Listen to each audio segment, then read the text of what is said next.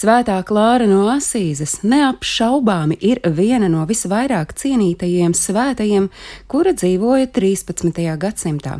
Viņa bija Svētā Franciska laika biedrene.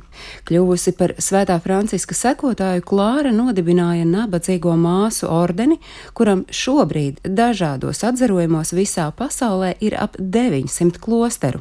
Svētā Klāra bijusi drosmīga un baznīcai uzticīga sieviete, kura pasaulē nāca turīgā ģimenē.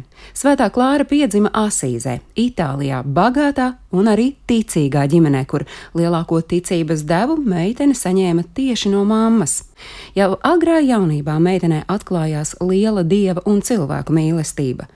Uzzinājusi, ka Svētais Francisks ir nodibinājis savu klosteri, arī Klāra nolēma atteikties no pasaulīgās dzīves. Viņa nepiekrita vecāku nodomātajām laulībām un slepus devās pie Franciska. Bēgšana no mājām notika lieldienu laikā. Naktī starp palmu, jeb kā pie mums to sauc pūpoles svētdienu, un klusās nedēļas pirmdienu.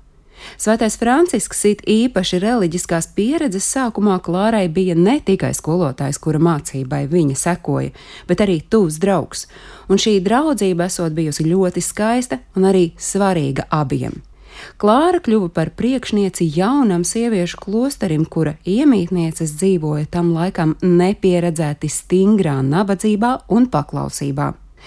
Pretojoties radinieku spiedienam, kuri sākumā bija pilnīgi un kategoriski pret Klāras izvēli, viņa kopā ar savām pirmajām māsām apmetās Svētā Demijāna baznīcā. Tur arī pēcāk izveidoja klosteri.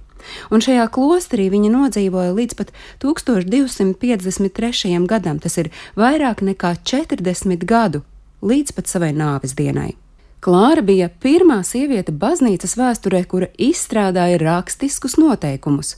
Viņa iesniedza tos apstiprināšanai pāvestam, lai turpmāk visās sieviešu kopienās, kuru skaits jau viņas laikā pieauga, un kuras gribēja iedvesmoties no Franciska un Klāras piemēra, saglabātu Asīzes Franciska harizmu.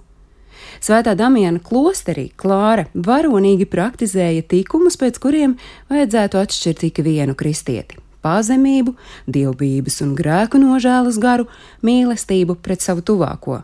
Viņa esot personīgi kalpojusi slimajām māsām, uzņemoties pat vispieticīgākos darbus. Bet runājot par brīnumiem, tie saistībā ar Klāru minēti divkārt, un abos gadījumos Klāra ar savu stipro ticību un lūgšanas pazemību spējusi atbrīvot Asīzes pilsētu un klosteri no tuvas iznīcības briesmām. Ar svēto dāvanu palīdzību viņa uzveica saracēņu kareivjus, kuri jau bija gatavi uzbrukt Demjāna klosterim un arī izlaupīt Asīzes pilsētu. Šis un arī vēl citi atmiņā palikušie brīnumi pamudināja pāvestu Aleksandru IV kanonizēt Klāru tikai divus gadus pēc viņas nāves. Kanonizācijas bullā var lasīt, cik spilgts ir šīs gaismas spēks un cik spēcīgs ir šīs gaismas avota starojums. Klāra slēpās, bet viņas dzīve tika atklāta visiem.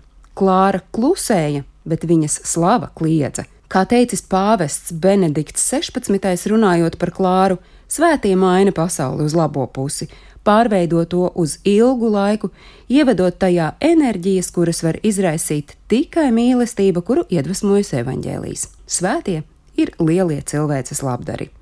Stāstīja Agnese Drunka.